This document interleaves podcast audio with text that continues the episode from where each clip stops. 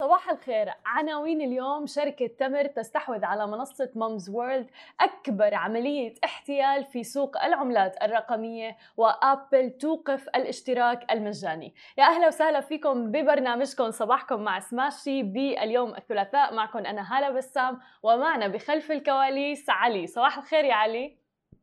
علي مو جاهز.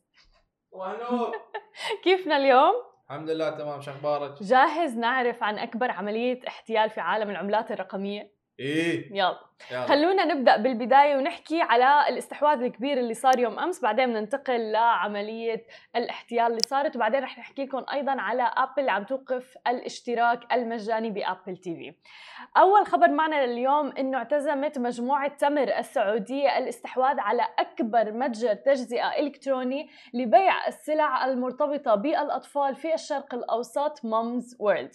وقالت Mumzworld واللي مقرها دبي إنها وقعت اتفاقية بيع بيع وشراء مع مجموعة تمر للخدمات الصحية واللوجستية ومقرها جدة.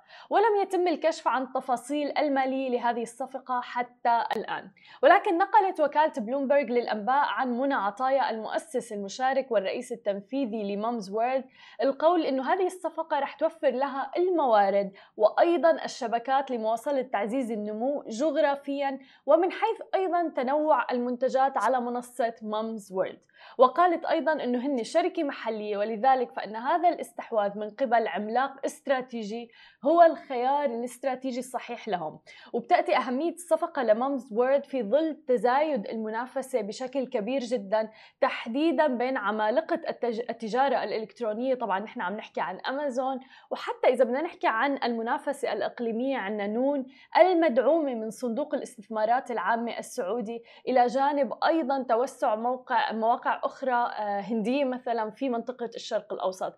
فعم نشوف في طلب كبير على موضوع التجارة الإلكترونية وزاد بشكل خرافي جدا بفترة كورونا آه، الطلب على التجارة الإلكترونية. ولكن الآن استحوذت الشركة السعودية تمر على منصة التجارة الإلكترونية المتخصصة في بيع المنتجات اللي لها علاقة بالأطفال والأمهات مامز وورلد واللي هي مقرها في دبي.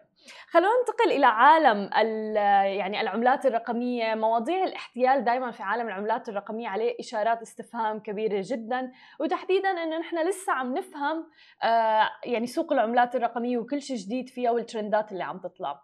الآن حذرت هيئة السلوك المالي في بريطانيا المتداولين في البلاد من التعامل مع شركة Binance كل هذا عقب قفزة تضاعفت فيها عمليات الاحتيال باسم طبعا العملات المشفرة مثل بيتكوين.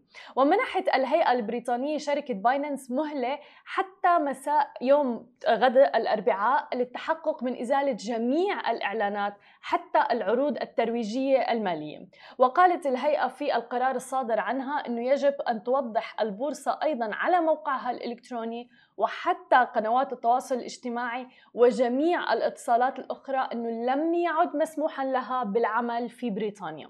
وبعد هذا القرار طبعا ما رح تستطيع شركة Binance اللي أعلنت عن الاستحواذ على كيان خاضع لرقابة الهيئة البريطانية في يونيو الماضي ضمن خطط لإطلاق Binance UK من استئناف عملياتها الآن في بريطانيا دون موافقة كتابية مسبقة. هي عم بتوسع الخطوة اللي عم تطلق حملات تنظيمية على قطاع العملات الرقمية في مخاوف أيضا يعني بشأن تورطها المحتمل أيضا في مواضيع متعلقة في غسيل الأموال الاحتيال وغيرها وبالحديث عن العملات آه، وعمليات الاحتيال المتعلقة في العملات المشفرة خليني أخبركم عن قصة لأكبر عملية احتيال لعملة البيتكوين بقيمة 3.6 مليار دولار. متخيلين أنتم الرقم؟ 3.6 مليار دولار مملوكة لمستثمرين من عملة البيتكوين اختفت من منصة تداول خاصة بشقيقين في جنوب أفريقيا.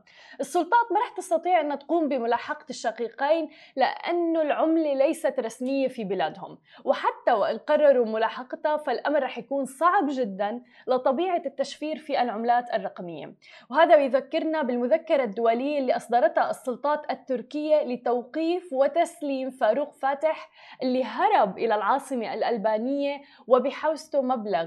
قالت وسائل الإعلام أنه قدره مليار دولار من أموال المستثمرين. مثل ما عم نشوف بالفترة الأخيرة عم بتزيد عمليات الاحتيال على العملات الرقمية بشكل كبير جدا. والآن في حظر على منصة باينانس تحديدا في بريطانيا واللي عم بيثير العديد من إشارات الاستفهام نحو تداول العملات الرقمية وتحديدا منصة Binance اللي استخدمها العديد من الأفراد بالفترة الأخيرة.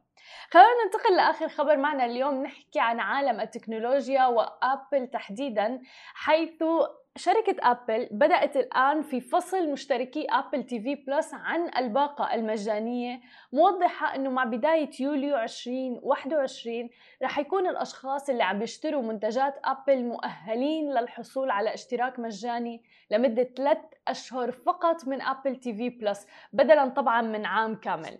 وأشارت إلى أنه لن يتمكن الأشخاص اللي استفادوا من الإصدار التجريبي من الحصول عليه مرة أخرى.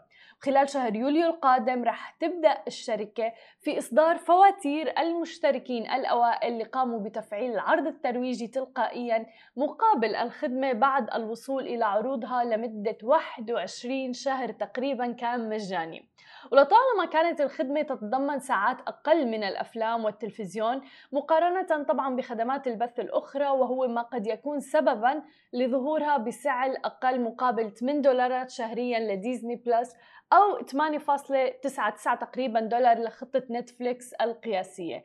أيضا عم نشوف يعني منافسة كبيرة جدا في عالم آه، خدمات البث الأخرى مثل عنا نتفليكس ديزني بلس برايم فيديو وحتى الآن عنا ال Apple. لذلك لكل الناس اللي اشتركت وما حابة إنها تجدد اشتراكها لازم تشيكوا على الاشتراك تبعك تبعكم وتلغوه من إنه يكون آه، يتجدد تلقائيا أو automatically لحتى ما ي charge وا عليكم. هذه كانت كل أخبارنا الصباحية لليوم. ما تنسوا تتابعونا على كل مواقع التواصل الاجتماعي الخاصة بسماشي تي في. تسمعوا البودكاست تبعنا وتنزلوا ال application نهاركم سعيد جميعا.